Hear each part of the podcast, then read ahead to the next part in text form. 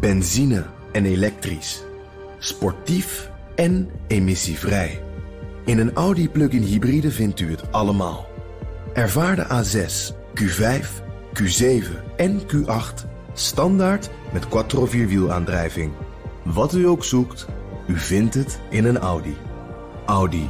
Voorsprong door techniek. Tech Update. En Connor Klerks is bij ons. Hey Connor. Hey, goedemiddag. Ja, we beginnen in de VS. Uh, weer een dag met uh, Meta in het nieuws. Ja, zeker. Ja, er begint een uh, belangrijke rechtszaak vandaag. Meta, het moederbedrijf van Facebook, Instagram en WhatsApp, neemt het vanaf vandaag op tegen de mededingingswaakhond, de FTC en de rechtbank. Daar schrijft persbureau Reuters over. En het wordt een spannende zaak, want de inzet is of Meta een VR-ontwikkelaar, Within, mag hm. kopen. Volgens de FTC neigt die overname van Within naar het begin van een monopolie op VR-gebied voor Meta. En met de overname van Oculus uh, een paar jaar geleden hebben ze de belangrijkste brilfabrikant al in handen. En ze vragen daarom, de FTC uh, dus, aan de rechter om deze overname te blokkeren. En die ene ontwikkelaar Within die is niet eens echt zo super belangrijk. Het gaat meer om de gedachte uh, erachter. Mag Meta, zo'n groot en machtig bedrijf nu al, naar eigen inzicht aankopen blijven doen? En zo dus groter en machtiger te, te worden of blijven? En Meta heeft daar een handje van. Hè? Bij uh, zowel de overname van WhatsApp als Instagram waren die apps eigenlijk nog niet zo heel groot, niet zo dominant en belangrijk als nu. En achteraf gezien was het voor de gebruiker niet gek geweest als de mededingingswaakhond daar een stokje voor had gestoken. Maar er is nu niets meer aan te doen dan, begrijp ik.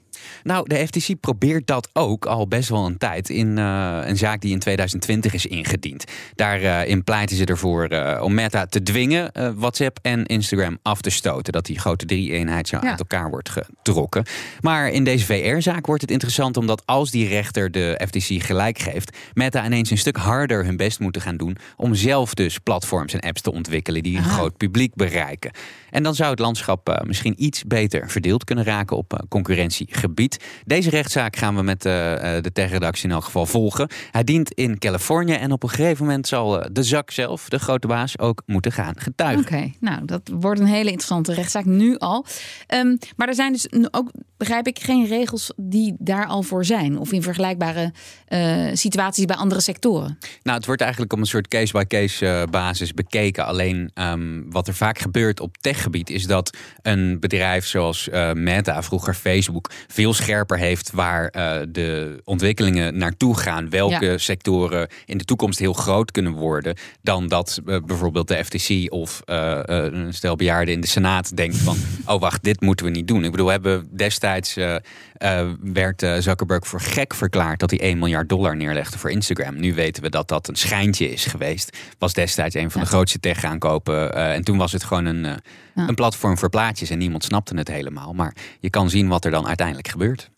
Dan Google moet links naar overduidelijk onjuiste informatie verwijderen. Ja, een uitspraak van het Hof van Justitie van de Europese Unie. Als gebruikers kunnen aantonen dat informatie overduidelijk onjuistheden bevat, is Google voortaan verplicht die informatie te verwijderen. Deze zaak kwam aan het rollen door een klacht van twee directeuren van een groep investeringsmaatschappijen. Zij hadden Google gevraagd om zoekresultaten te verwijderen, waarin hun naam werd gekoppeld aan bepaalde artikelen en daarin werd kritiek geuit op het investeringsmodel van die groep.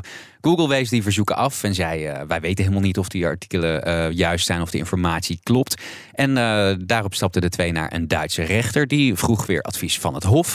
om eigenlijk het evenwicht tussen het Europese recht om te worden vergeten. wat we sinds 2018 hebben. Ja. en het recht op vrijheid en meningsu van meting, meningsuiting en informatie te wegen.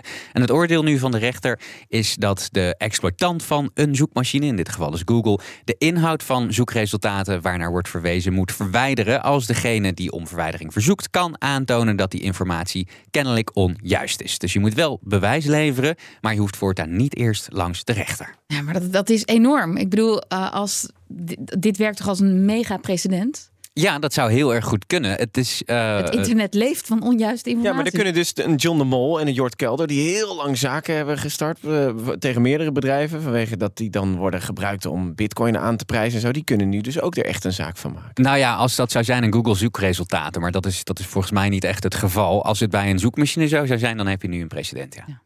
Dankjewel, Connor Klerks. De BNR Tech Update wordt mede mogelijk gemaakt door Lenklen. Lenklen. Betrokken expertise, gedreven resultaat. Benzine en elektrisch. Sportief en emissievrij. In een Audi plug-in hybride vindt u het allemaal. Ervaar de A6, Q5, Q7 en Q8 standaard met quattro vierwielaandrijving. Wat u ook zoekt, u vindt het in een Audi. Audi. Voorsprong door techniek.